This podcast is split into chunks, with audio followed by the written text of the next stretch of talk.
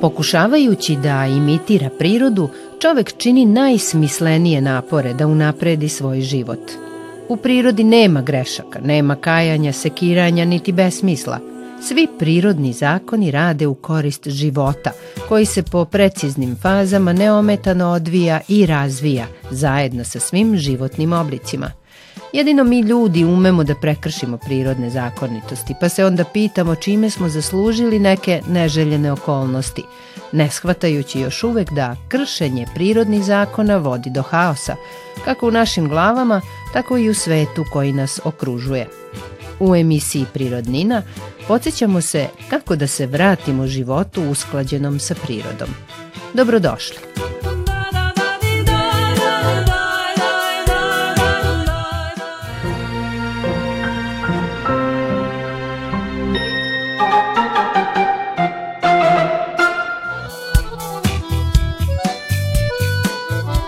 Posmatrajući prirodu od prvih pisanih zapažanja do danas, može se lako zaključiti da se ona stalno menja.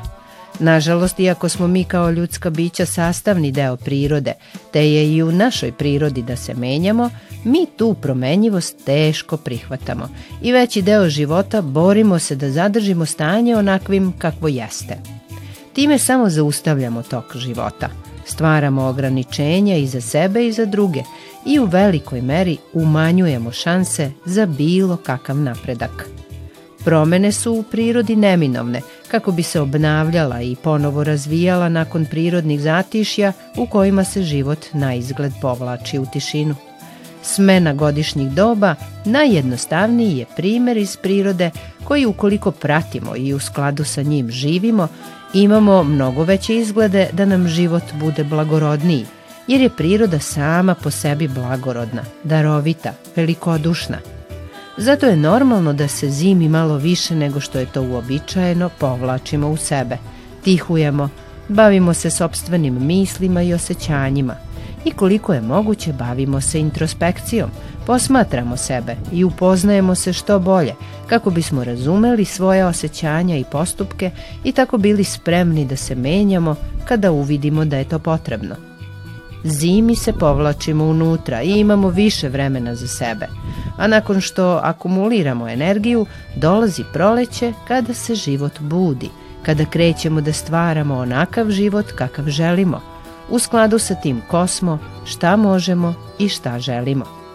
Priroda pomaže taj proces i sama bujajući, cvetajući, napredujući i dajući podršku svemu što ima tendenciju da se razvija – Tokom leta uživa se u svemu što je pokrenuto, živi se punim plućima, radi se na ostvarenju svega onoga što smo u svoj život usadili tokom proleća.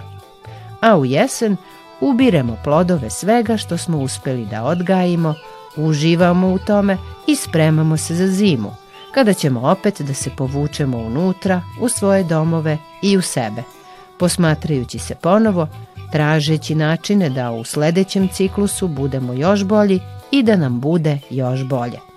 Bilo bi dobro svoje životne cikluse uskladiti sa ciklusima prirode, kako bismo lakše prepoznali i podržali one promene koje su za naše dobro i za dobro svih oko nas.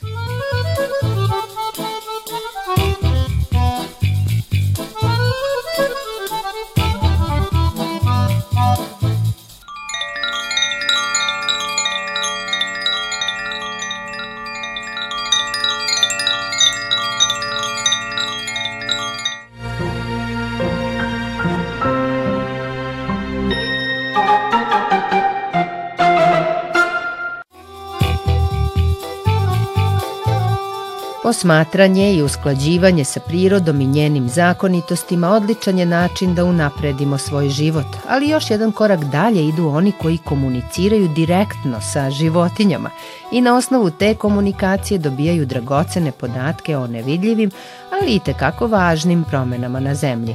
Priča nas vodi u daleku Australiju. Rik, rik, rik, rik, rik, rik.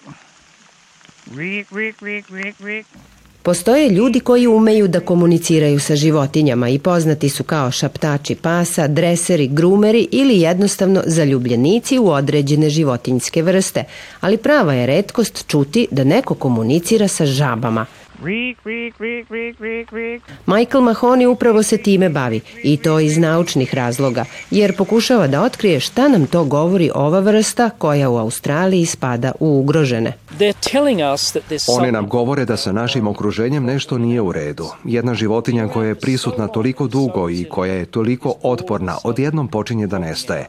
Dakle, one žive u vodi, a mi tu vodu pijemo i koristimo na sve druge načine. Ako umiru, onda bismo morali da se zapitamo šta nije u redu sa okruženjem. One su kao kanarinci u rudniku i opominju nas da se ne staramo dobro o svojoj planeti. I have really Za svog života sam video odumiranje sedam vrsta australijskih žaba. Verovatno najtužniji deo moje karijere je da sam kao mladić pred sam kraj studiranja otkrio jednu vrstu žaba koja je tokom samo dve godine od tada istrebljena. Tako sam veoma rano postao svestan koliko su neke žabe ranjive.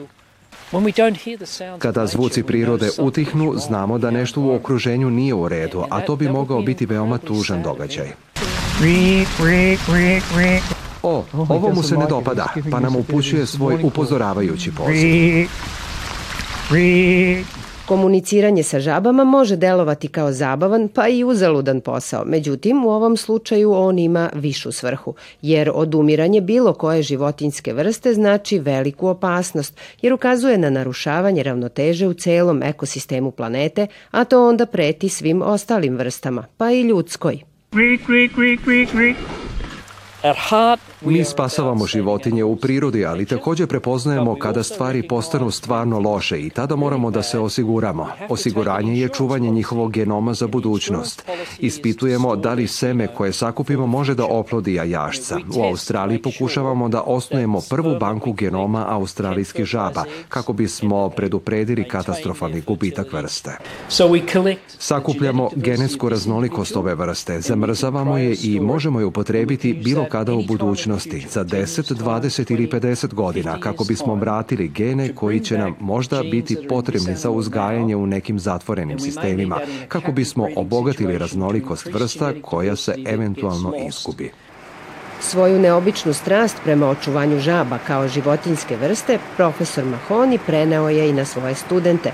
Oni mu pomažu u njegovoj naučnoj misiji, a uz to i sami uživaju u onome što rade. Polala sam žabe od detinjstva, ali nikad nisam vikala da bih otkrila gde su. To je moja specijalnost koja je prilično zabavna i smešna.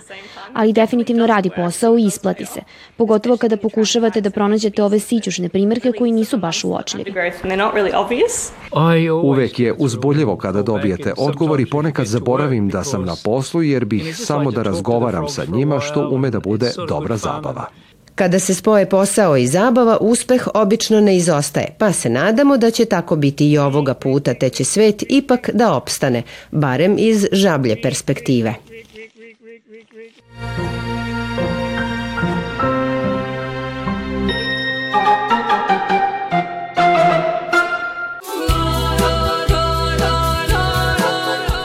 emisijama Prirodnina često podsjećamo koliko je važan boravak u prirodi, a planinarenje kao jedno od najlepših aktivnosti predstavili smo iz više uglova. Ovoga puta Darko Dozeti iz Udruženja Srbija u pedalj govori ukratko o jednom važnom elementu svakodnevnog života pa i planinarenja, a to je ishrana. Šta bi trebalo konzumirati i kako se u tom smislu pripremiti kada krenete da šetate po planinama? zavisi od naših navika. Čoveku treba više vremena da se navikne na neki režim iskrane. Neki vrhunski sportisti jedu obilno uveče, a ujutru ne doručkuju do nekog momenta kada stignu na neki vrh ili do nekih pozicija kada već osete a, glad. Kažem, ja sam jedan od tih koji ujutru se trudi da minimalno doručkuje, pa onda kad dođem na vrh, ove, onda se onako počastim baš lepo, jer znam da je nizbrdo lagano, onako ćemo ići i da mi ta hrana i opterećenje u stomaku neće predstavljati problem. Naravno, treba paziti na sve te namirnice koje mogu da izazivaju kiselinu, nadimanje i sve te neke stvari, jer poznato je da kada organizam vari hranu, krv ode u stomak, samim tim je smanjena cirkulacija, periferni mišići, uopšte ne dobijaju dovoljno, dovoljne količine krvi i onda svi ti napori, a, napore čovek mnogo teže savladava.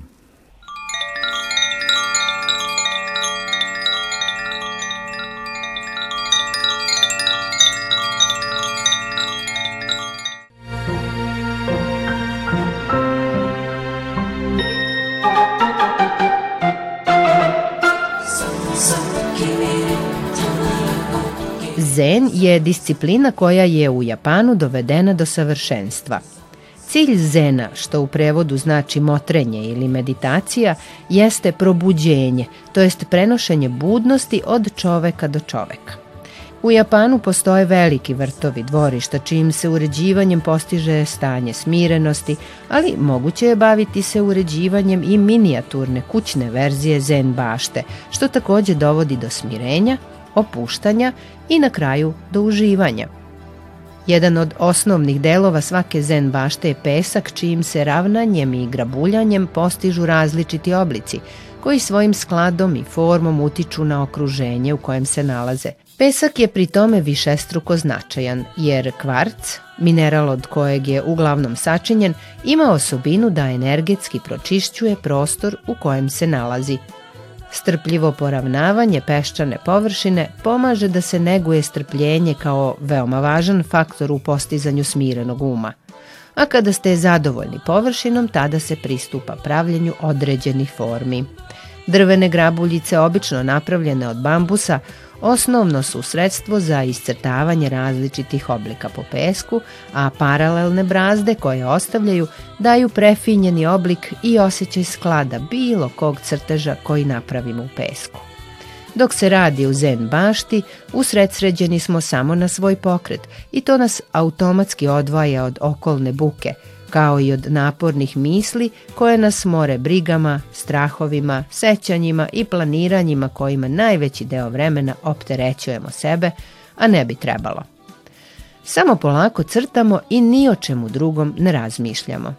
Kada napravimo oblik kakav smo želeli, dodajemo simbole prirode, u ovom slučaju simbole za drveće i jedan od obaveznih elemenata svake zen bašte, a to je kamenje – Ove elemente poređamo tako da po našem osjećaju stvaraju sklad i ravnotežu. Taj će se osjećaj preneti i na prostor oko zen bašte i stvorit će prijatnost u okruženju, a osobi koja se bavi radom u zen bašti pomoći će da bude smirenija, opuštenija i otvorenijeg uma, što će svakako doprineti boljem sagledavanju sebe i svojih postupaka u svetu oko sebe. A iz mira i sklada u nama – kreće i mir i sklad u svetu u kojem živimo. To je samo jedan od jednostavnih, a nepromenjivih prirodnih zakona.